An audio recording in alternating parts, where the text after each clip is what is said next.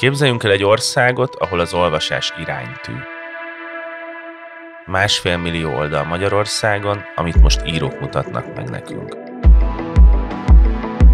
Városok, folyók, tavak, erdők, amiket történetek alakítanak. Autózás és irodalom, ez a baktérkép.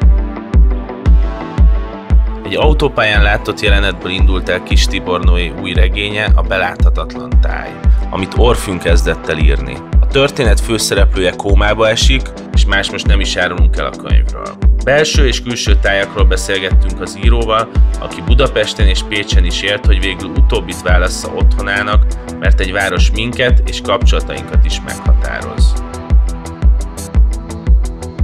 Azon gondolkodtam, hogy mi az Istenért van az, hogy ennyire akarom írni ezt, hogy milyen az, amikor ott fekszik egy lány kómában, 27 évesen, és van az apja, aki ott áll az ágya mellett, elmegy a baleset helyszínére, és mint egy ilyen, ilyen őrült, kicsit, kicsit ilyen szép lassan beleőrül ebbe a dologba. 5 évvel ezelőtt az alapötlet abból, hogy mentem az úton az autópán édesanyámhoz, és ott az egyik felüljáron állt egy bicikli, oda támasztva a korlátnak, és állt egy férfi, és így lehajolt, és így nézte az autópályát.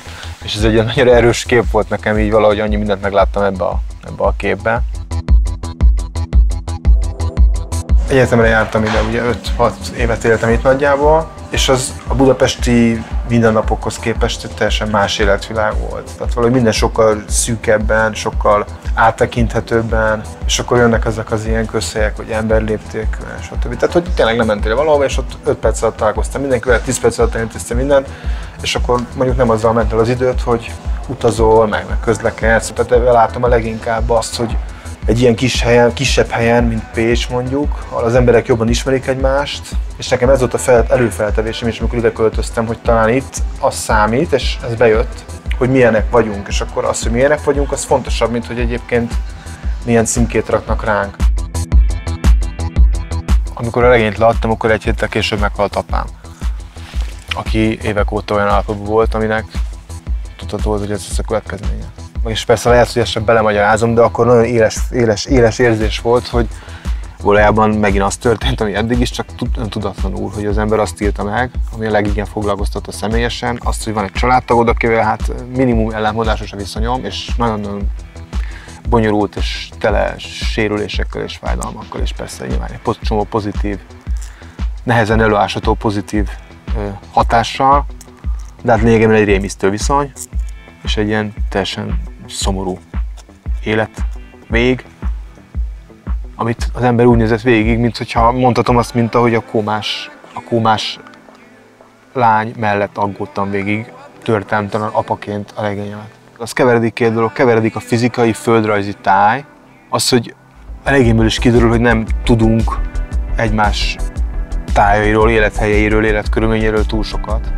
És hogyha véletlenül összekeveredünk, akkor csak állunk, mint Rozi a moziba. És így, na most akkor mi van? Pedig ugyanabban a társadalomban élünk esetleg. És ez duplán érvényes, vagy még erősebben érvényes arra, hogy ez a, a beláthatatlan táj, mint az agyunk, meg a, meg a, meg a, a tudatunk, ami teljesen különbözőképpen reagál dolgokra. Ez a táj, tehát a, ez a kapcsolati táj, vagy ez a, ez a kommunikációs táj, vagy nem is tudom mi, a bennünk lévő táj, a másikban lévő táj beláthatatlanná válik egymás számára. És amikor visszamentem Budapestre, akkor ott nagyon-nagyon nem találtam a helyemet, semmilyen értelemben nem találtam a helyemet, és ö, valahogy a, akkor már Budapest nekem ilyen hihetetlenül nagy, és ilyen, ilyen ami elnyel, nagy, beláthatatlan. Úgy érzem, hogy semmi dolgom nincs ott. Itt ö, úgy éreztem, hogy ö, azzal, hogy valahogy más a találkozások minősége, mélysége, a kapcsolatok minősége, mélysége, több idő jött mindenre. Nekem mindig ez volt az érzésem. Akár is nézzük, itt volt az első Magyarországi Egyetem, különböző nemzetiségek itt mindig egymás mellett éltek. Balkániak, svábok, romák, azt tapasztalom mindig, hogy amikor szemtől szembe vagyok emberekkel, én, mint önmagam, egymással beszélünk, és nem egy ilyen több áttéten keresztül zajló nem kommunikáció van, hanem egy személyes kommunikáció. És abban én azt gondolom, hogy én abban vagyok önmagam. Egy ilyen helyen, mint Pécs, ahol pár év alatt mindenkivel beszélsz, lényegében egy adott közegen belül, akkor ez a dolog le van tudva. Tehát, hogy egy ilyen beláthat, be, belátható lesz a tered. Belakható, átélhető és komfortos.